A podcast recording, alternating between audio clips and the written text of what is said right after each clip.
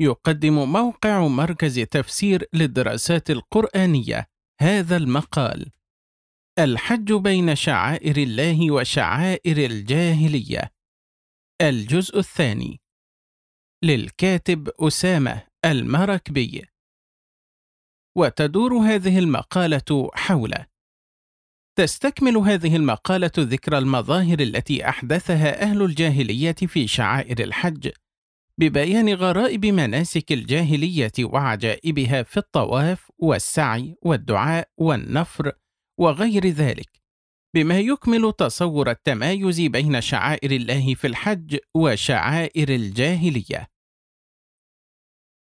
الحج بين شعائر الله وشعائر الجاهلية الجزء الثاني.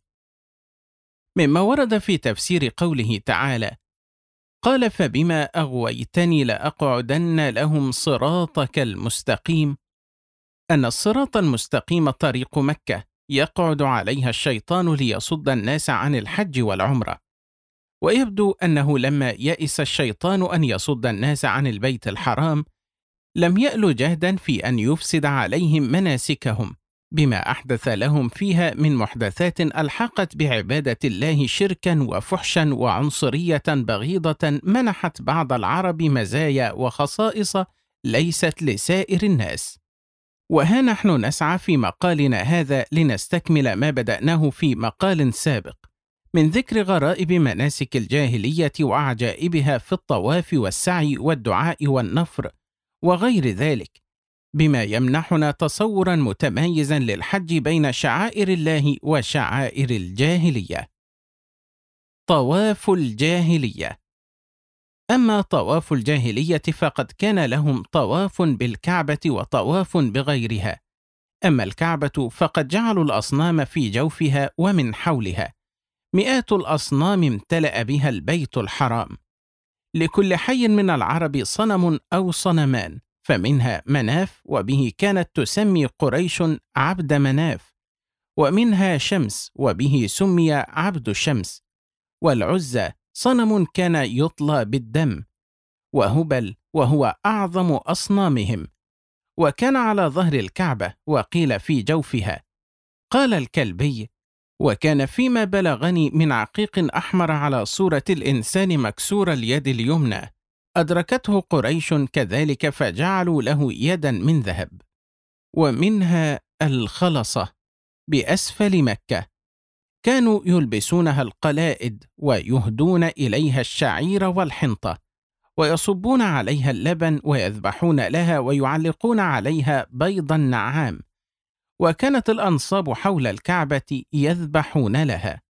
فيروى أن النبي صلى الله عليه وسلم دخل المسجد يوما فطاف سبعا وقريش جلوس فأقبل صلى الله عليه وسلم عليهم فأشار بيده إليهم وإلى أوثانهم فقال: إنكم وما تعبدون من دون الله حصب جهنم أنتم لها واردون. فلما ظهر رسول الله صلى الله عليه وسلم يوم فتح مكة دخل المسجد والأصنام منصوبة حول الكعبة فجعل يطعن بعود في عيونها ووجوهها ويقول جاء الحق وزهق الباطل إن الباطل كان زهوقا. جاء الحق وما يبدئ الباطل وما يعيد. ثم أمر بها فكفئت على وجوهها ثم أخرجت من المسجد فحرقت. وفي ذلك قال راشد بن عبد الله السلمي قالت هلم إلى الحديث؟ فقلت لا يأبى الإله عليك والإسلام. أوما رأيت محمدا وقبيله بالفتح حين تكسر الأصنام. لرأيت نور الله أضحى ساطعا والشرك يغشى وجهه الإظلام. وكانوا يفرقون في طوافهم بين الحمس والحلة. أما الحمس وهم قريش ومن ولدت من العرب وحلفاؤها فكانوا يطوفون بالبيت في أحذيتهم وثيابهم ولا يمسون المسجد بأقدامهم تعظيما لبقعته. وأما الحلة وهم من دونهم من العرب فكانوا يطوفون بالبيت عراه يقولون لا نطوف في ثياب عصينا الله فيها. وبعضهم يقول نطوف كما ولدتنا أمهاتنا. وقيل يخلعونها تفاؤلا ليتعروا من الذنوب كما تعروا من الثياب. وربما طاف الرجال بالنهار والنساء بالليل فتضع المرأة على قبولها خرقة أو نسعة أو شيئا فإن لم تجد شيئا وضعت كفا على فرجها وكفا على دبرها تتقي به الناس وتقول اليوم يبدو بعضه أو كله فما بدا منه فلا أحله. كم من لبيب عقله يضله وناظر ينظر ما يمله.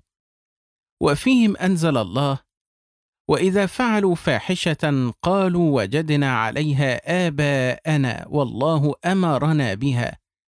قل إن الله لا يأمر بالفحشاء أتقولون على الله ما لا تعلمون؟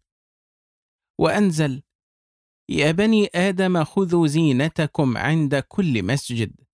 قال الضحاك كان ناس من أهل اليمن والأعراب إذا حجوا البيت يطوفون به عراة ليلا فأمرهم الله أن يلبسوا ثيابهم ولا يتعروا في المسجد. وذكروا أن من الحلة من إذا دخلوا مكة تصدقوا بكل حذاء لهم وثوب. وراحوا يلتمسون من ثياب الحمص إجارة أو إعارة يقف أحدهم بباب المسجد فيقول من يعير ثوبا؟ فإن أعاره أحمسي ثوبا أو أكراه طاف به وإن لم يعره ألقى ثيابه بباب المسجد من خارج ثم دخل الطواف وهو عريان يبدأ بإساف فيستلمه ثم يستلم الركن الأسود ثم يأخذ عن يمينه ويطوف ويجعل الكعبة عن يمينه. فإذا ختم طوافه سبعا استلم الركن ثم استلم نائلة فيختم بها طوافه ثم يخرج فيجد ثيابه كما تركها لم تمس. فيأخذها فيلبسها ولا يعود إلى الطواف بعد ذلك عريان. فإن تكرم متكرم من رجل أو امرأة من غير الحمس فطاف في ثيابه التي جاء بها من الحل ضرب وانتزعت منه. فإن ترك حتى في الثياب حرمت عليه ثيابه تلك. فإذا فرغ من طوافه نزعها ثم طرحها في المسعى بين إساف ونائلة فلا يمسها أحد ولا ينتفع بها حتى تبلى من وطء الأقدام ومن الشمس والرياح والمطر ويسمون تلك الثياب اللقى قال الشاعر كفى حزنا مري عليه كأنه لقا بين أيدي الطائفين حريم. وفي ذلك نزل قوله تعالى قل من حرم زينة الله التي أخرج لعباده والطيبات من الرزق. قال ابن زيد كانوا إذا جاءوا البيت فطافوا به حرمت عليهم ثيابهم التي طافوا فيها فإن وجدوا من يعيرهم ثيابا وإلا طافوا بالبيت عرى. فقال من حرم زينة الله؟ قال ثياب الله التي أخرج لعباده والطيبات من الرزق.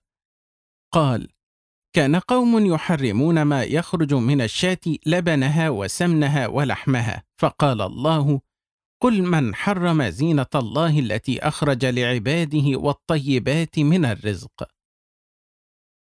قرناء الحج. وربما ربط الرجل يده بيد اخيه في الطواف يتقربان بذلك إلى الله تعالى. فنهى النبي صلى الله عليه وسلم عن ذلك.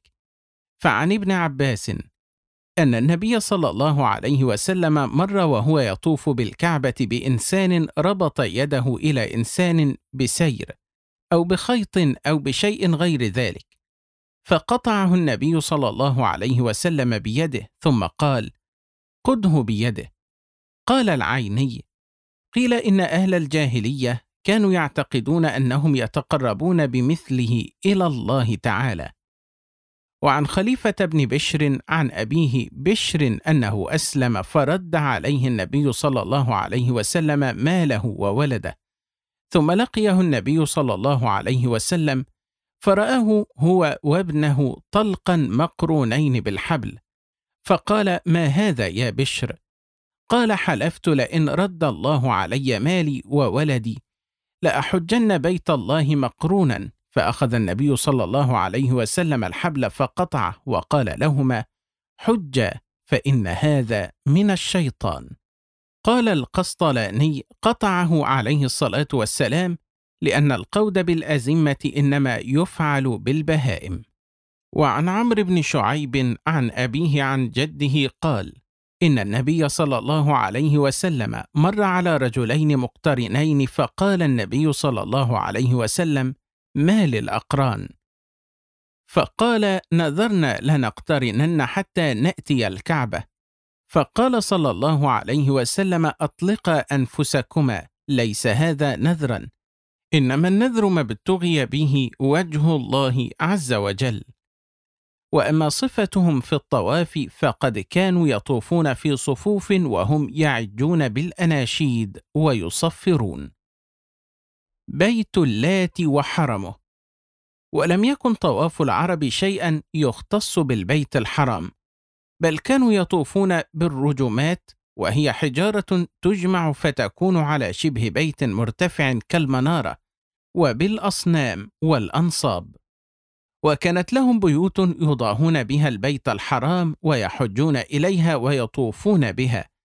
ومن ذلك اللات كان بالطائف لثقيف على الصخرة وكانوا يسترون ذلك البيت ويضاهون به الكعبة وكان له حجبة وكسوة وكانوا يحرمون واديه فبعث رسول الله صلى الله عليه وسلم أبا سفيان بن حرب والمغيرة بن شعبة فهدماه وكانوا في أسفارهم يتخيرون الأحجار فيعبدون أحسنها شكلا ومنظرا. فإذا وجد الرجل حجرا خيرا من حجره ألقى الأول وأخذ الآخر. وإذا لم يجدوا حجرا جمعوا كومة من تراب ثم جاءوا بشاة فحلبوها عليها ثم طافوا بها. وإذا رحلوا تركوها. وربما طافوا بذبائحهم التي يقربونها لآلهتهم وبقبور السادات والأشراف منهم. دعاء الجاهلية. وأما دعاؤهم فكان أكثره بالدنيا وصلاحها ولا يكادون يذكرون الآخرة. عن ابن عباس قال كان قوم من الأعراب يجيئون إلى الموقف فيقولون اللهم اجعله عام غيث وعام خصب وعام ولاد حسن.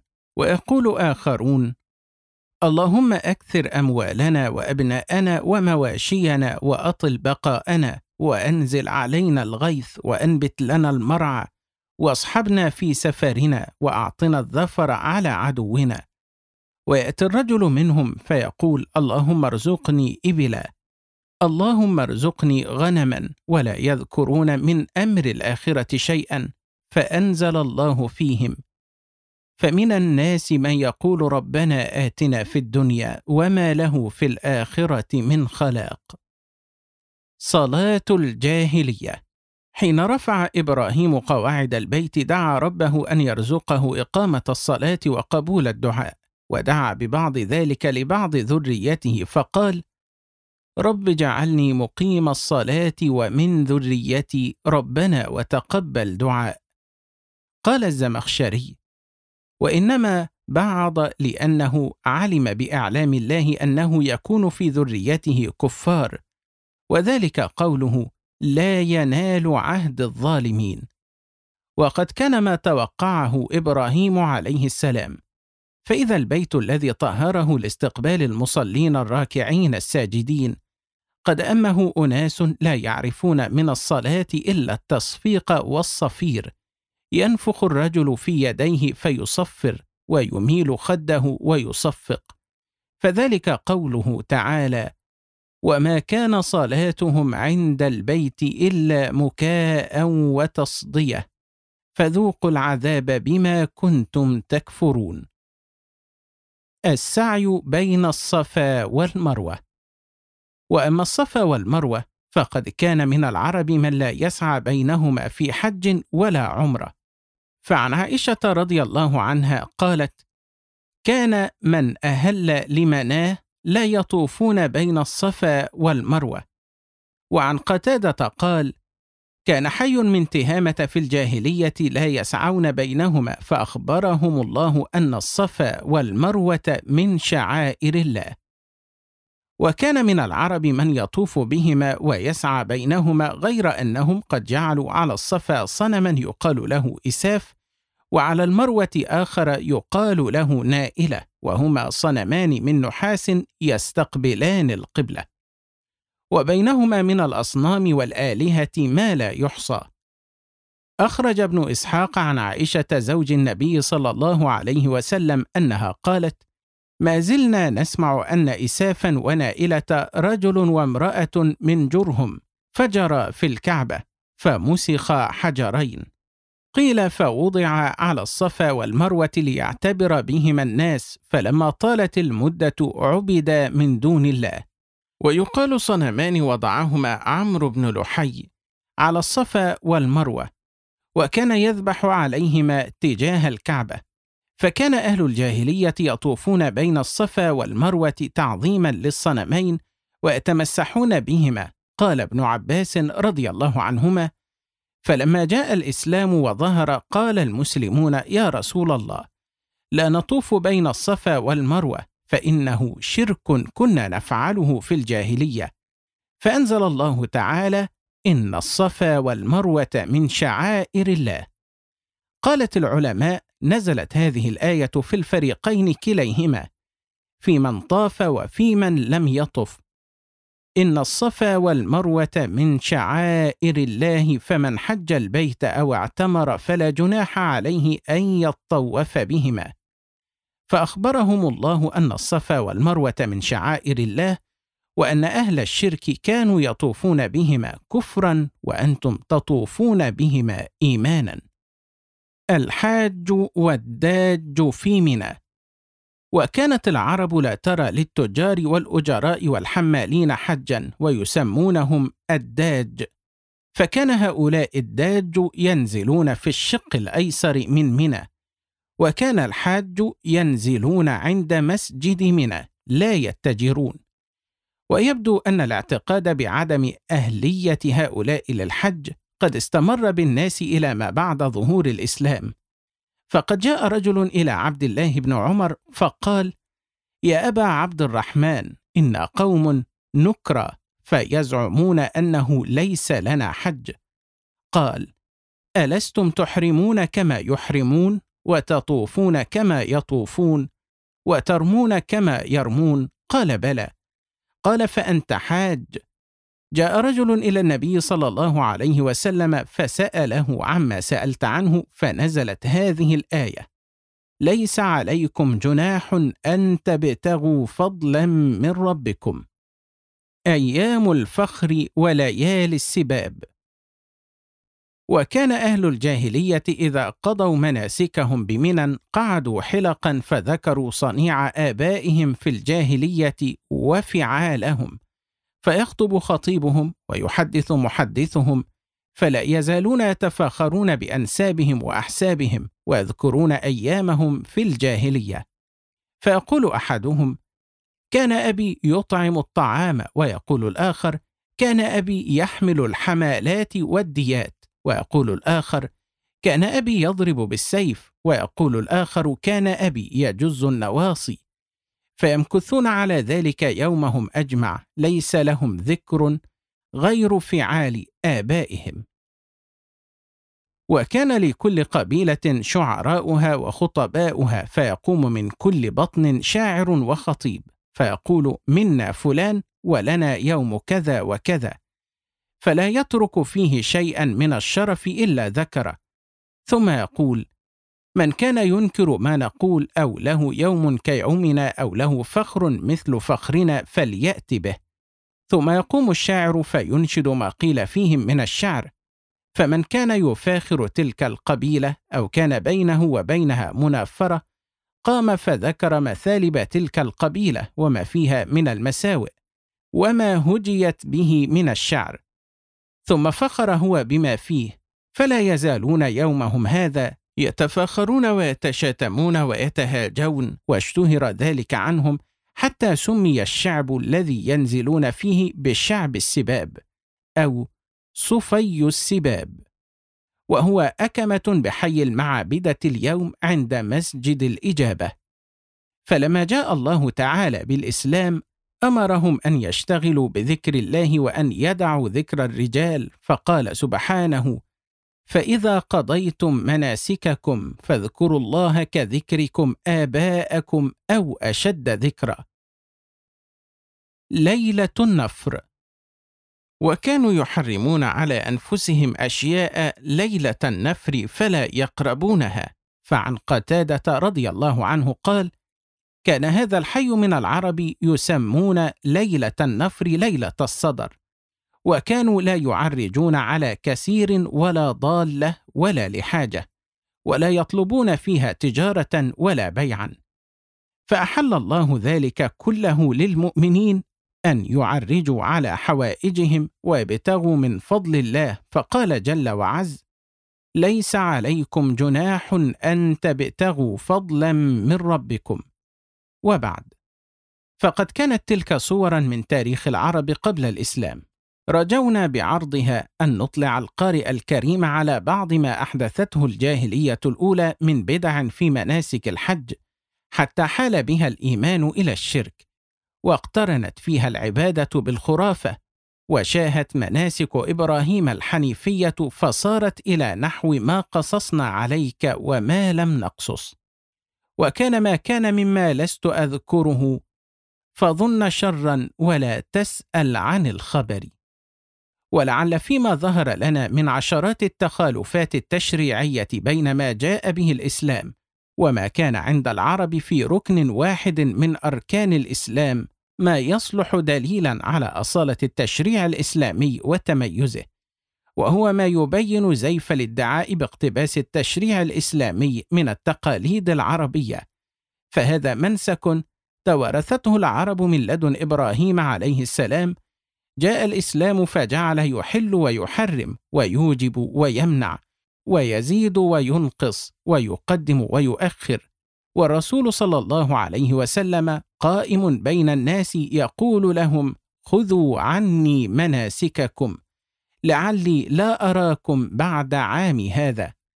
حتى رد المناسك بما علمه الله إلى ملة إبراهيم الحنيفية. تاركا وراء ظهره ودبر أذنه عادات العرب وتقاليدهم التي أحدثوها في دين الله. ويبقى بعد ذلك مجال فسيح للنظر في دوافع تلك المحدثات التي ألصقت بشعائر الله. هل كانت كلها دوافع دينية؟ أم كان للرياء الاجتماعي وللمصالح المادية أثر في ذلك؟ استمعتم لمقال الحج بين شعائر الله وشعائر الجاهلية. الجزء الثاني للكاتب أسامة المراكبي.